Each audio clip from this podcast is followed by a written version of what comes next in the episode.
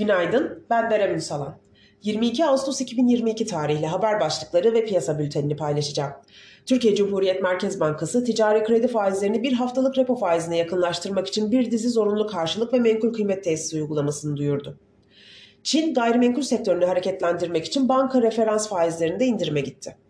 Bu hafta Jackson Hole toplantısında Powell'dan faiz indirimine devam mesajı gelmesi bekleniyor. Almanya enerji problemini çözmek için nükleer seçeneğini değerlendirirken Çin'in bir eyaletinde sanayi elektriğine kısıtlamanın süresi uzatıldı. Küresel piyasalarda hisseler Jackson Hole öncesi düşüşte.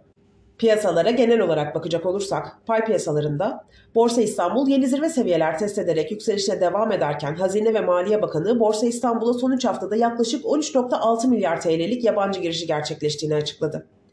Hem güçlü gelen bilançolar hem de kısa süreli güçlü yabancı girişi Borsa İstanbul'da son dönemde oluşan yükselişi destekledi.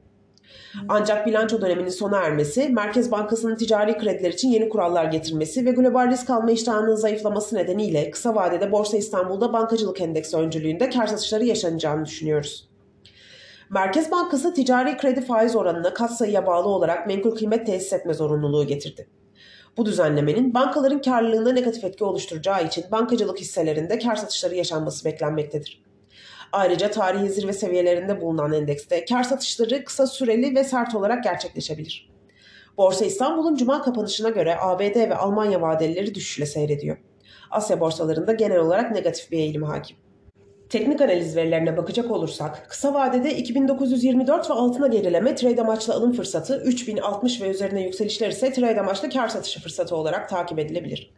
Viyop tarafında ise gün içi long pozisyonlar için 3244, short pozisyonlar için 3326 seviyeleri zarar kes seviyesi olarak izlenebilir.